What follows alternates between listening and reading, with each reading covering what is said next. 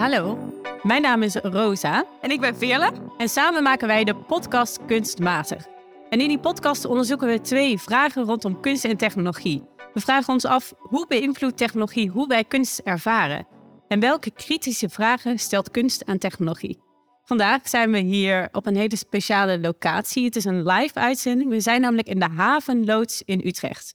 En dat is een plek waar vroeger hout werd opgeslagen. Maar nu is het een creatieve broedplaats en op dit moment ook de plek waar de tentoonstelling Licht Donker plaatsvindt. Ja, we zijn vandaag niet alleen. Welkom iedereen hier ook die meeluistert met deze live-opname.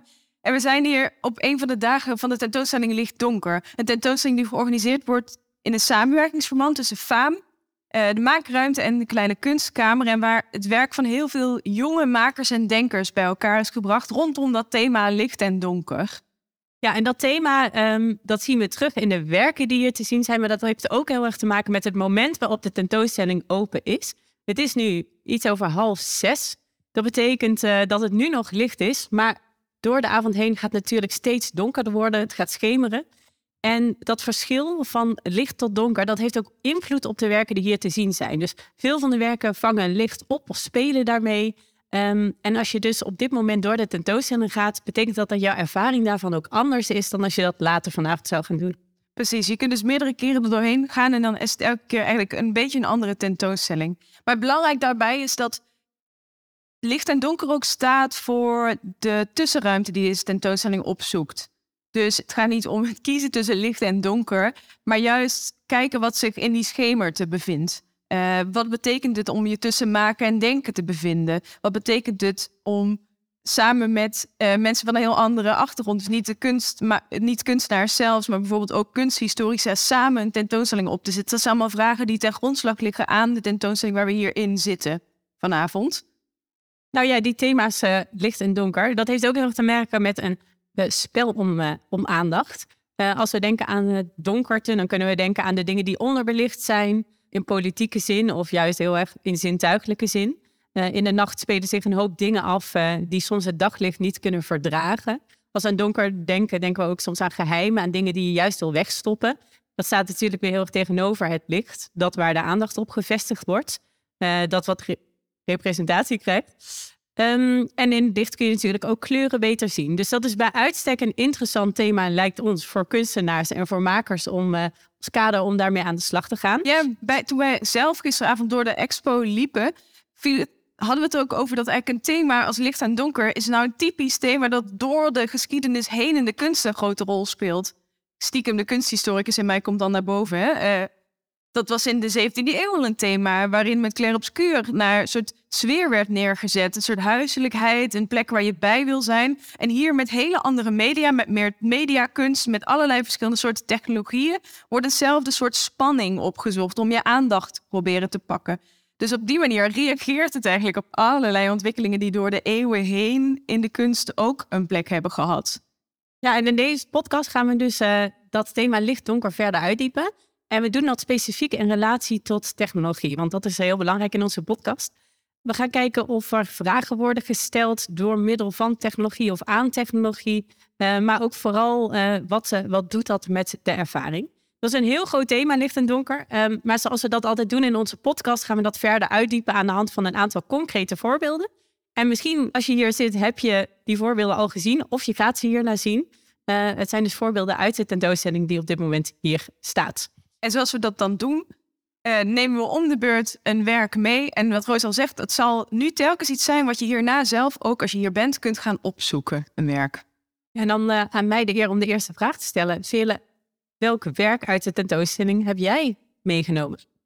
Nou, goed, je kan je voorstellen, het was lastig kiezen. Maar het werk dat ik wil bespreken en met wat meer uh, aandacht naar wil kijken, is het werk van Kat Patat, kwallenvissen. Laten we eerst heel even luisteren naar hoe dat klonk.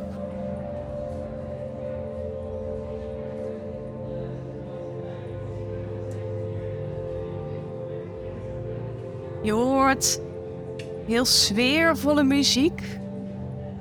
Het zou niet misstaan tijdens een meditatiesessie. Uh, een hele fijne, rustige klank. En dat speelde zich af in een donker gemaakte ruimte tussen allerlei donkere doeken hier in de tentoonstelling. En zodra je daar door die doeken stapte en die muziek aanzwol, zag je een aantal ja, diertjes door de lucht zweven, of beter gezegd zwemmen. Want het waren namelijk kwallen, zoals de titel van het werk al zit. Ik weet niet hoe het met jou zit, maar als ik aan kwallen denk, dan denk ik niet, oh, zen. Nee, ik ren dan weg. Ja, Ja, dan denk ik eerder, oh, ik kan niet zwemmen vandaag. Eh, maar dat was helemaal niet de ervaring dat de installatie van Kat Patat eh, bij mij opriep. Het, was een, het is een werk waar een installatie waarin je op een zitzak heel rustig plaats kan nemen en eigenlijk betoverend ra betoverd raakt door de, door de werkjes die in de lucht zweven. En als je beter ging kijken, zag je dat het technologisch gezien echt hele, ja, vrij simpele werkjes waren. Een soort plastic met de lampjes erin en een apparaatje dat draaide en daar zaten sprietjes aan en dat leken de tentakels te zijn. En door de blauwe belichting, een soort betoverende onderwaterwereld waar je instapt en waar je spontaan kalm van werd. Ook al was het duister en best een eng onderwerp, het was eigenlijk heel, heel rustgevend. Dus jij liep daar naar binnen en je zag kwallen en je dacht, ik ga op deze zitzak liggen en daar eens even heel goed naar kijken. Dus wat ik interessant vond aan het werk is dat het zowel gaat over dat licht-donker contrast in letterlijke zin. Hè? Dus een soort verdonkerde ruimte waarin echt een lichtwerk is geïnstalleerd. Het werk doet, werkt op basis van dat blauwe licht. Maar tegelijkertijd ehm, gaat het over licht-donker in de zin van waar, wa- waar voel je je licht, waar voel je je donker en wat voor gevoel kun je je bevinden op het moment dat je zo'n afgesloten ruimte in een tentoonstelling bouwt. Je stapt echt letterlijk een andere wereld in. En ook dat onderwaterwereld. Ja, ik was, dus, ik was vroeger dus best wel bang voor de kleine zeemermin. Ik weet niet of, dat, of ik daar de enige in was. Het was best wel een donkere film. En ik vond ook Ursula heel eng, die inktvis. Dus ik heb niet per se hele positieve herinneringen aan het idee van diep in de zee en de wezens die daar leven. Maar op de een of andere manier slaagde Kat Patat erin om dat op een, op een hele zachte manier een fijne ervaring te laten zijn. Wat ik bijzonder vind aan wat je vertelt, en ik heb zelf, het werk zelf ook gezien, is dat het technologisch is. Je ziet dat het geen organisch materiaal is, hè, een soort plastic. Je ziet de, de radartjes lopen, de, de lampjes hangen. En tegelijkertijd kan ik niet naar het werk kijken zonder die kwal te ervaren. Zonder een heel organisch, natuurlijke beweging waar te nemen. Die echt voelt alsof daar wezentjes bezig zijn. En de titel van het werk is Kwallenvissen, toch? Ik moet ook zeggen, als ik daar loop, dan krijg ik ook het idee dat ik die kwallen vooral even met rust wil laten. Dat ik ze niet te veel wil storen in een, een soort van natuurlijke habitat hier in de havenloods. Ehm, en je had het over die kwallen die daar, die daar hangen, maar er is ook nog een tweede deel van Er is het ook werk. nog een tweede deel van het werk. Dat is op een ander stukje in de expo. En daar zie je op de grond een rondje geprojecteerd. Met daarin, nou ja, als je niet zou weten dat het kwallen zijn, dan zie je het er niet in. Maar je kan er ook met een beetje fantasie wel kwallen in zien. zijn soort stipjes, rondjes die kleiner en groter worden met nog een klein rondje erin. Je ziet het bovenaanzicht. En alsof het een soort vissenkom van boven is. En zodra je er overheen loopt, want dat projecties nodigen altijd heel erg uit om erin te gaan staan en dan je eigen silhouet te zien. Dan hebben ze nou eenmaal dat effect, hebben ze nog helemaal veel van mensen. Zodra je erin stapt, schrikken ze van je en zwemmen ze weg. En pas als je weer naar achteren stapt, dus je voeten uit de, uit de projectie haalt, komen ze heel voorzichtig weer terugzwemmen. Dus daar ga je direct de interactie aan met iets wat ja, dierlijk lijkt, zonder dat het dat echt is. Want het zijn gewoon stipjes, als je erover na gaat denken. Maar toch ga je heel voorzichtig, ging ik heel voorzichtig benaderen. Toen ik eenmaal door had dat ze van mij schrokken. Wat ik tof vind uit het werk van Kat Patat, we hebben het al eerder besproken in de podcast ook. Ze zijn een jong collectief en ze maken werk dat vaak een wat humoristische kijk op onze wereld biedt, op, eh, op onderwerpen. Vond jij dat dat humoristische hier ook in aanwezig was? Ja, heel speels, maar vooral omdat je jezelf betrapt. Eh, er zit een soort spelelement in. Dus je betrapt jezelf op dat je ineens, mens, dat je ineens gaat doen alsof die technologische installatie leeft. Terwijl ik weet heus wel dat dat niet het geval is, maar ik ga me heel erg verhouden tot het werk. En bij die kwallen, hetzelfde, precies wat jij zegt. Het idee, oké, ik weet heus wel dat dit gewoon draadjes en lampjes en plastic zijn. Maar op de een of andere manier weet ze een soort op spelenderwijs een ervaring neer te zetten waar je in gelooft. Of waar je in wil geloven en dus in mee wil gaan. Ja, dus we zien hier al teruggaan naar de, ook de grotere vraag van onze podcast. Heel mooi, denk ik, hoe technologie echt als middel wordt ingezet, als een soort artistiek middel om nieuwe ervaringen mogelijk te maken, om ons met andere ogen te laten kijken naar de wereld om ons heen. Ehm, ik ga opnieuw weer over, over kwallen nadenken, dus dat vind ik wel, eh, wel weer knap. Ja, Misschien zijn ze toch niet zo eng eh, als we denken. stiekem, stiekem toch niet zo eng. Ja, en we zijn hier live in de tentoonstelling. En dat betekent dat het ook eh, ons de mogelijkheid geeft om even met de kunstenaars te gaan praten. Dus we willen graag twee kunstenaars uitnodigen. Ron en Davy, kom aan tafel. Schuif Leuk aan, dat jullie er zijn. aan. Ja.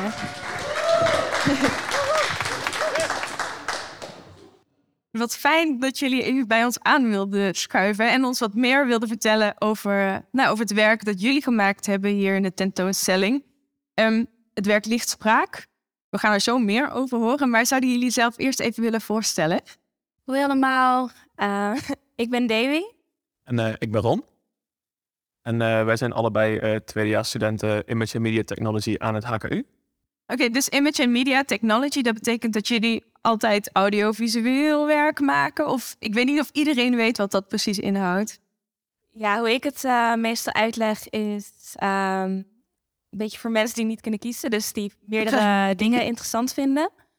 Ehm, dus we doen dingen met film, animatie, eh, fotografie en ook interactieve installaties, dus werken met sensoren en eh, vooral veel ruimtelijk werk. En voor deze tentoonstelling hebben jullie samengewerkt. Is dat de eerste keer of hebben jullie al vaker in samenwerking iets gemaakt? Ja, we hebben al vaker samengewerkt, ja. En lichtspraak, kun je, kunnen jullie eens omschrijven wat het werk... Ik kan wel een begin doen, hè? want het is hier in de kelder. Het is misschien gek als je het zelf moet omschrijven. We hebben het gisteravond dus in het donker eh, ervaren. Er is hier een kelder. Die kelder is niet makkelijk bereikbaar. Je moet door zo'n door zo'n klein vierkant luikje, heel spannend, het draagt allemaal bij aan de ervaring. En dan moet je achterwaarts een trap afklimmen, eh, op eigen risico. Dat zeggen ze iedereen erbij trouwens, verstandig. Ehm, en hoe verder je afdaalt, hoe meer je ruikt, ja, dit is de kelder. Dat is echt eh, meteen duidelijk. En als je daar dan beneden bent, ben je in een hele andere ruimte dan de rest van de tentoonstelling. Echt ook een gekke ruimte. En als je daar dan binnenkomt, dan is een van de twee werken die je daar ziet, jullie werk, lichtspraak. En wat wij zagen, viel me vooral aan, was een groot soort doek met daarop licht dat bewoog en geluid en zoeken. En het nodigde uit om, om te gaan uitvinden wat er aan de hand was. Maar we willen eigenlijk van jullie graag horen, wat, wat doet het werk? Wat is het voor werk? Want ik kreeg, ik kreeg heel het gevoel dat ik in een soort club, eh, een soort underground club eh, terecht was gekomen. Met hele vette visuals. Dat vind ik op zich wel een leuke beschrijving. Ons eh, originele idee bij eh, Lichtspraak was eigenlijk dat we wilden kijken hoe je kan communiceren op een andere manier dan praten. Dus eh, het idee origineel was dat we dus een device wilden gaan maken waarmee je dus kon communiceren door middel van licht. Uiteindelijk is dat meer getranslate dat je dus eh, ook met andere mensen kan gaan communiceren samen met het licht dat je voor je ziet. Dus door middel van bewegingen kun jij de licht en het geluid aanpassen. En eh, als je met z'n tweeën bent, heb je allebei een ander soort gedeelte van het werk dat je kan besturen. Dus daardoor kun je gaan reageren op elkaar in het werk. Dus als één iemand like, een bepaalde beweging doet, dan ben je van, oh, dat vind ik wat kan, wat kan ik hier aan toevoegen zelf? En doordat je samen eigenlijk gaat spelen in het werk, eh, ben je op een soort van manier aan het communiceren. Dus je bent bijna aan het schilderen met licht. Kan ik het zo begrijpen? Ja, je gebruikt het licht dus eigenlijk een beetje als een tool voor communicatie. Dus laat een beetje los van wat je weet over hoe je normaal gesproken communiceert. Of het nou praten is, typen of whatever. En probeer het nu een beetje door eigenlijk met je lichaam letterlijk het licht te sturen naar iets wat jij wil overbrengen. Kun, kun je daar een voorbeeld van geven? Want je zegt, er zijn dan verschillende dingen die de verschillende sprekers als het ware kunnen veranderen. Eh, dat is dan in het licht. Ja, om het wat concreet te maken. Ehm, ja, het idee voor ons was om het zo abstract mogelijk te houden. Want we wouden eigenlijk niet dat mensen direct wisten hoe je hiermee kon spreken. Want het Ah, idee ja. was ook meer dat het ja, een soort van pionier van deze taal wordt. Omdat als niemand anders deze taal gebruikt, dan moet jij een beetje zelf erachter gaan komen. En dan krijg je eigenlijk volledige vrijheid in hoe jij communiceert. Ehm, ik wilde natuurlijk niet te veel vrijgeven van hoe het specifiek technisch werkt. Maar dingen die je kan aanpassen zijn zoals like, de kleuren kun je eigenlijk volledig aanpassen in het werk zelf. Daarnaast eh, een soort van de positionering van hoe de, van welke kant hij op gaat, de intensiteit, het contrast.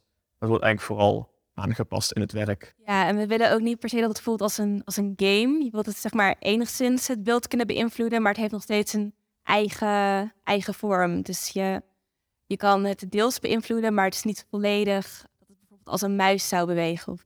hey, die kelder, een donkere ruimte, was dat, was dat jullie keuze of kregen jullie die toebedeeld? Ja, die, uh, die werd op ons, uh, die kon eigenlijk als een cadeautje uit de hemel vallen. ja, het was ook eigenlijk toen wij uh, begonnen met het werk. Wij werken dus bij Image Media Technology. Beginnen we vooral bij een, wij werken vooral vanuit een black box. Dat is eigenlijk een hele grote zwarte doos waarin je volledige controle hebt in like, licht, geluid en technologie. Dus vanuit daar gebruiken we, we beginnen eigenlijk vanuit een schaduw of van helemaal niks. En vanuit, door middel van licht zelf toevoegen maken wij eigenlijk dit werk. En zo zijn we hier ook mee begonnen.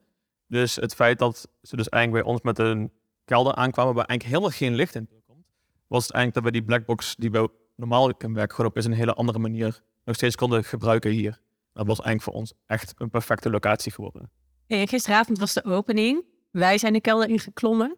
Ik zag uh, rijen staan. Het was erg populair. Ja. Hebben jullie iets meegekregen van hoe mensen met het werk aan de haal gingen? Hebben jullie daar iets van, uh, van gezien? Kunnen jullie daar wat over vertellen? Ja, ik heb uh, in het algemeen heb ik voor mij best wel veel positieve dingen gehoord, maar niet specifiek dat mensen met ons in gesprek nog kunnen zijn gegaan, want gisteren was het ook gewoon heel druk. Maar wat ik heel erg merkte is dat mensen dus echt zich moesten afvragen van hoe werkt dit überhaupt? En dat had ik... Ja, dat had ja, ik ook. Precies. En dat is eigenlijk ook precies het idee dat wij daarachter wilden hebben. Dus het feit dat mensen zijn van, ik snap het nog niet helemaal, maar opeens bewoog ik en opeens snapten wij, oh, ik ben like, het linkergedeelte van het werk en ik ben het rechtergedeelte. En opeens, als je die klikjes gaat maken, dan opeens langzamerhand uh, word je steeds vrijer in hoe je beweegt. En dat heb ik van meerdere mensen ook gehoord, dat ze dus langzamerhand, hoe langer ze eigenlijk naar het werk keken, hoe meer ze begrepen wat ze aan het doen waren. En dat is eigenlijk ook echt een hele fijne feedback voor ons. Ja, dus wat jij zegt, het is niet een spel, maar eerder een taal die je moet leren. Dat komt uit echt zo'n onderzoekende Precies. houding of zo die dan naar Ja, je staat komt. echt net als, maar niet uit welke taal je leert, tenzij je echt een knoppel daarvoor hebt, dan ben je vaak ook een, heb je een beetje een learning curve en duurt het ook even voordat je, begrijpt hoe iets werkt of inderdaad wat ongemak. Dus eh, dat, dat gevoel moest er ook een beetje nog in blijven. Nou, volgens mij, eh, Roos, moeten wij daar nog even de kelder in. Ik denk het ook. Heel erg bedankt dat jullie wat meer wilden delen over het werk. En eh, ik ben nieuwsgierig om de taal nog wat verder te leren, moet ik zeggen. Dank jullie wel. Bedankt dat we hier mochten zijn. Een applaus.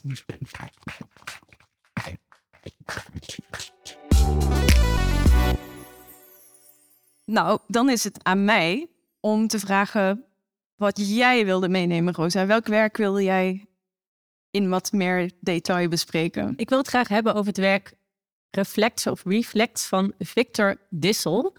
Uh, de mensen die hier zijn, die hebben het al gezien, want het staat eigenlijk aan de ingang. Het gaat om die grote bak daar beneden. Um, wat we zien is een grote bak met daarin een materiaal. Ik wist, om eerlijk te zeggen, op het begin niet zo goed of ik nou naar water aan het kijken was of plexiglas. Uh, dus ik besloot mijn vinger er maar even in te doen. En toen bleek het inderdaad om water te gaan.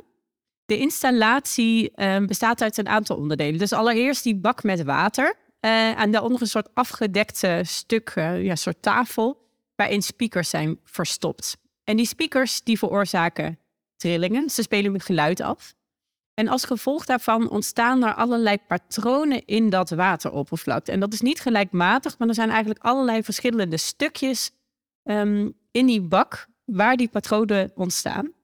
Ik vond het heel magisch, heel apart hoe dat zomaar kan. Het zijn best wel mooie schilderachtige patronen. En die ontstaan dus door de trillingen van het geluid. Dus waar we eigenlijk naar aan het kijken zijn, zijn 2D-weergaven van iets wat we normaal niet met onze ogen kunnen zien, namelijk geluidstrillingen. Ja, weet je wat mij dus ook aan deed denken? De abstractie. Weet je nog dat je vroeger, dit is misschien voor sommige mensen te lang geleden, dat je vroeger Windows Media Player had en die had dan zo'n visuele, Ja. die had dan zo'n screensaver met van die kleuren. Zo zonder kleuren, maar zo'n soort patronen. Wat nu, dat ik erover nadenk, heel logisch is. Want dat was waarschijnlijk ook een 2D-weergave van trillingen. Ja, wat ook leuk daaraan is, naar die Windows, eh, nee, Windows Media Player, dat was het. Eh, daar kon ik ook best wel gefascineerd door raken. Daar kon ik heel lang naar blijven kijken. En dat heb ik met dit werk daar dus ook. Je wordt er soort van in meegezogen. Het is oh, oh, ja, ook weer bijna meditatief. Je wil begrijpen waar je naar zit te kijken. En ik vind dat je het werk eigenlijk het beste ervaart als je dat dus met je hele lichaam doet. Dus dan vooral als je inderdaad je hand in het water stopt en zo zowel naar de trillingen kijkt als de trillingen voelt en ze tegelijkertijd ook nog ziet met je ogen. Dus die multisensoriale ervaring. Hè? Dus met meerdere zintuigen tegelijkertijd het werk ervaren. Dat vond ik er heel bijzonder aan. Wat maakt, wat maakte dat voor verschil voor jou als je het ook aanraakte en tegelijkertijd zag? Nou, allereerst had ik helemaal niet gedacht dat het eh, echt die trilling zou veroorzaken. Dus het is iets, een, een soort gevoel wat je niet gewend bent. Ehm, en het zorgde ook ervoor dat ik helemaal mijn aandacht op dat werk moest richten. Dus wat ik ja, ik denk eh, veel mensen van onze generatie wel zullen herkennen. Zeker als je naar nieuwe mediawerken gaat kijken of werken waar technologie bij wordt gebruikt. Dat je soms denkt, wel, het ziet er vet uit, ik wil hier een filmpje van maken of ik wil het even vastleggen met mijn telefoon. Waardoor je het altijd weer door een scherm ervaart. En dit werk kun je toch echt het beste ervaren door even je telefoon weg te leggen en er even helemaal in op te gaan. Het te gaan voelen, te gaan zien, het te gaan horen. Ehm, en dat is een soort ontwikkeling die ik veel zie nu bij jonge kunstenaars juist op zoek gaan naar de manieren waarop ze technologie kunnen gebruiken om onze aandacht vast te houden. Om onze aandacht even helemaal van het scherm af te richten, er vanaf te halen en even helemaal in het moment, ja, ook weer bijna dat meditatieve, um, dat moment te creëren. Dus bijna als een soort tegenbeweging. Want als ik normaal gesproken, als ik aan technologie denk, dan is het cliché waar je aan denkt toch wel, oké, we zitten veel te veel op onze smartphones en daardoor zijn we helemaal niet meer bezig, of heel vaak niet zozeer bezig met wat om ons heen gebeurt, als we in de trein zitten, als we even zitten te wachten, als we waar we ook zijn. Dus die technologie is afleidend van aandacht voor je omgeving en waar je je bevindt en je verwonderen daarover. Het is allemaal een soort in dat schermpje. Terwijl wat jij observeert is, de trend in de kunstwerken draait dat juist om. Dus die technologie wordt ingezet om juist je heel erg te focussen en juist heel veel aandacht op te brengen in het hier en ja, nu. Ja, precies. Maar dat zit ook in dat kwalifice werk. Ook daarbij zien we hoe eigenlijk de ervaring um, door technologie mogelijk wordt gemaakt. Uh, het zorgt dat het onze aandacht ergens op richt. En ja, dat vind ik wel heel spannend om te zien. En dat juist een nieuwe generatie kunstenaar technologie op zo'n manier gaan inzetten. Ja, maar daar, als ik nog heel even mag nerden qua kunstgeschiedenis, dan is dat ook. Dan lijkt het daar ook wel weer wel op. Want als je het hebt over clair-obscuur in schilderijen, dan gaat het heel erg om een aandacht opeisen voor een andere wereld die je dan kan voorstellen waar je soort van helemaal in kan duiken. Oh nee, misschien is de contrast. Dat is dan eerder dat smartphone voor de niet-kunsthistorici onder ons. Oh ja, sorry, Claire moet ik dat uit? Misschien ja. moet je dat even uitleggen. Ja, in de, in de olieverfschilderijen in die tijd werden er technieken ontwikkeld. 17e eeuw werden er technieken ontwikkeld om door middel van bijvoorbeeld een kaarslicht te schilderen een heel hoog contrast aan te brengen in de schilderij. En daardoor kon je bepaalde delen van het tafereel heel sterk uitlichten en andere helemaal in het donker laten, waardoor je zo'n licht-donker contrast krijgt en waardoor je een soort, soort spanning toevoegt van waar mag je, waar wordt je aandacht op gericht. Die kunstenaar bemoeit zich daarmee. En dat gebeurt hier ook. Ze bemoeien zich met jouw aandacht en sturen die heel bewust. En dat, doet, dat gebeurt hier in het werk van Victor volgens mij ook, maar dan met geluid en water in plaats van olieverf. Ja, absoluut. Het zegt om je aandacht en je gaat er even helemaal uh, in op. Op een sokkeltje. Ja, je hoorde het al uh, aan, uh, aan onze tune tussendoor, op een sokkeltje. in dit item van de podcast zetten we een werk vaak van jonge makers op een sokkeltje, omdat we vinden dat het even wat, wat aandacht verdient. Dus dit is een werk waar we allebei helemaal van ondersteboven waren eigenlijk. Waarvan we dachten, oké, daar moeten we aandacht aan besteden. En dat is het werk van Yuri Bolhauer, Digital Thumb. Dus digitale ja, tombe, digitaal graf. En dat werk, nou, dat ben er nog steeds helemaal van onder de indruk. Het is eigenlijk een video. Je komt binnen en daar staat een scherm. En in die video reis je als het ware door allerlei ruimtes in vogelvlucht bijna. En die ruimtes die zijn uitgestorven. Dus je ziet een, een soort danszaal met een discobal waar niemand is. Je ziet een rollercoaster rijden, maar er zit niemand in de andere wagentjes. Ja, en die, die ruimtes die zijn uh, allemaal geanimeerd. Dus yes. geen, geen videomateriaal, maar we zien scènes die ons dan doen denken aan de beeldtaal van games bijvoorbeeld. het eerste ja, beeld wat ik zag was een soort kamer met een raam. Het werd sterk van licht. En een, een, een, voor dat raam was zo'n klein balkonnetje en daar hing een gordijn voor. Maar dat gordijn had precies hetzelfde beeld als het raam. Dus het leek bijna een soort foto van uh, wat daar zogenaamd echt achter te zien was. En het deed me bijna denken aan een soort surrealistisch schilderij. Waarbij je ook de hele tijd in de war wordt gemaakt van wat is nou echt? Waar ben ik nou echt naar aan het kijken en wat speelt zich daarachter af? Ja, dus wij stonden daar een poosje te kijken en te kijken en ook ons af te vragen van wat zien we nou eigenlijk? Oké, we zien een animatie, een soort CGI, zoals dat in films, heel mooi geanimeerd, levensecht, maar toch net niet helemaal. Het is uitgestorven, het is een beetje eng. En toen, voor mij, was dat het moment dat het klikte, dat er opeens een grote groene buis stond en dat de persoon, jij bent het cameraperspectief, daarin sprong. En je hoorde een geluidje en toen wist ik, dit is Mario. Voor mij eh, viel, viel Ging geen nee, belletje ging geen belletje rinkelen. rinkelen. Ik heb Mario alleen gespeeld op hele oude Game Boys, eh, die volgens mij nog zwart-wit waren zelfs. Waar, viel, waar had Ja, jij een De, de herkenningsmoment? Frank viel bij mij toen eh, met de achtbaan, denk ik. Eh, toen dacht ik, ah, wacht eens even. Zo'n achtbaan waar je dan helemaal doorheen gaat met felle kleuren. Daar heb ik vroeger wel veel mee gespeeld toen ik eh, Rollercoaster Tycoon aan het doen was thuis. Toen dat kwartje eenmaal gevallen was, herkenden we ineens game na game na game. Zo zagen we ergens in een ruimte allerlei dieren achter elkaar opgestapeld staan aan het einde van, het ruimte, van die ruimte. Ehm dat deed me denken aan eh Zoo Tycoon, Zoo ook een spel. ja. Ehm, en ik moet zeggen dat al die verschillende ruimtes, hoewel het er heel aan de ene kant vrij vrolijk uitzag, me vooral een heel onheimisch gevoel ga- gaf. Ik kreeg een soort, ik zag heel erg de aanwezige leegte als het ware. Dus je, er, er gebeurt van alles. Je ziet een stad of je ziet die, eh, die kamer. Ehm, maar je ziet ook heel veel niet. Er missen mensen, er missen bewegingen. Ja, wat voor spellen, even als intermezzo hè? En de mensen hier, wat voor spellen hebben jullie vroeger gespeeld op computer of op de Game Die je nu Boy? niet meer speelt. Pokémon. Pokémon Pokémon Red. Pokémon Red. Ja, The Sims? The Sims. Freddy de Wauw. Fish. Zo, oh, dat is lang ja. geleden. Ja. Een ganse Voor Ganzenbord. Ja. Iets binnen. Iets minder digitaal, maar oké. Ja.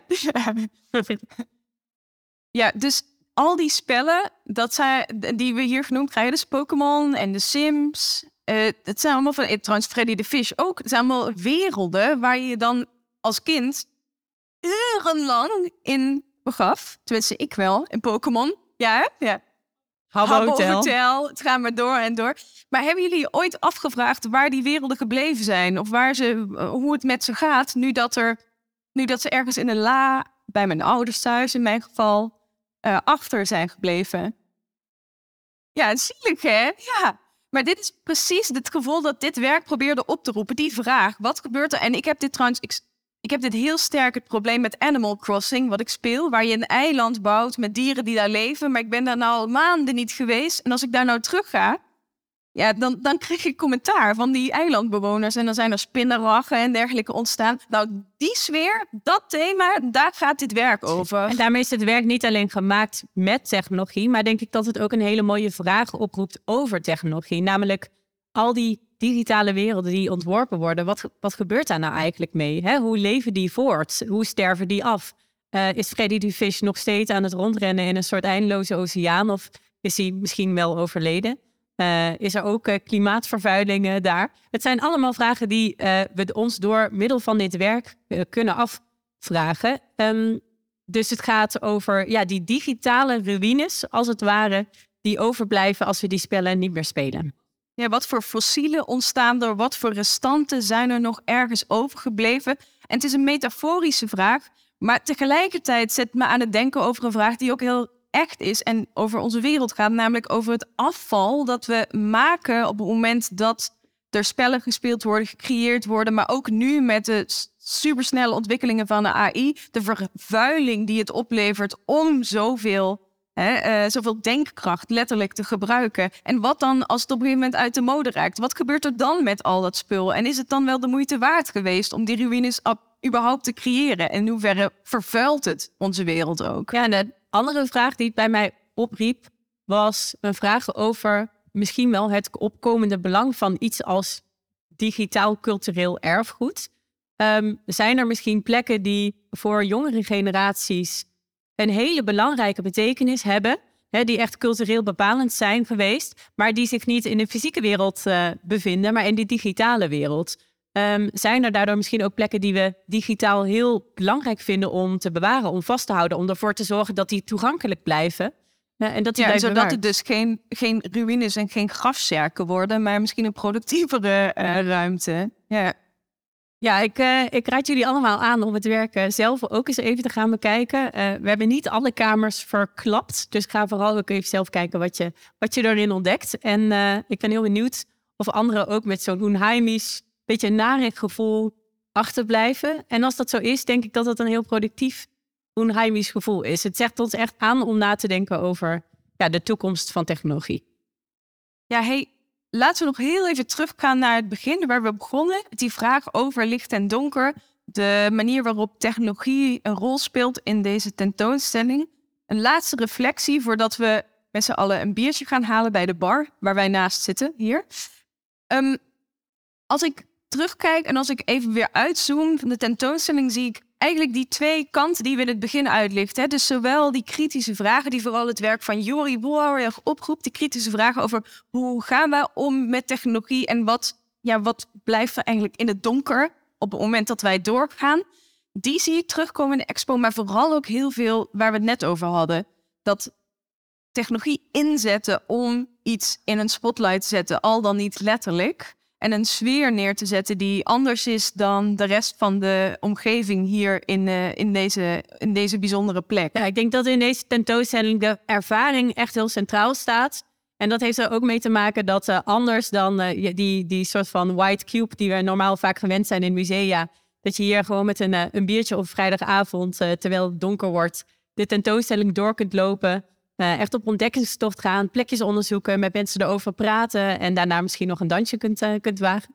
En dat maakt de tentoonstelling wel heel bijzonder. Precies.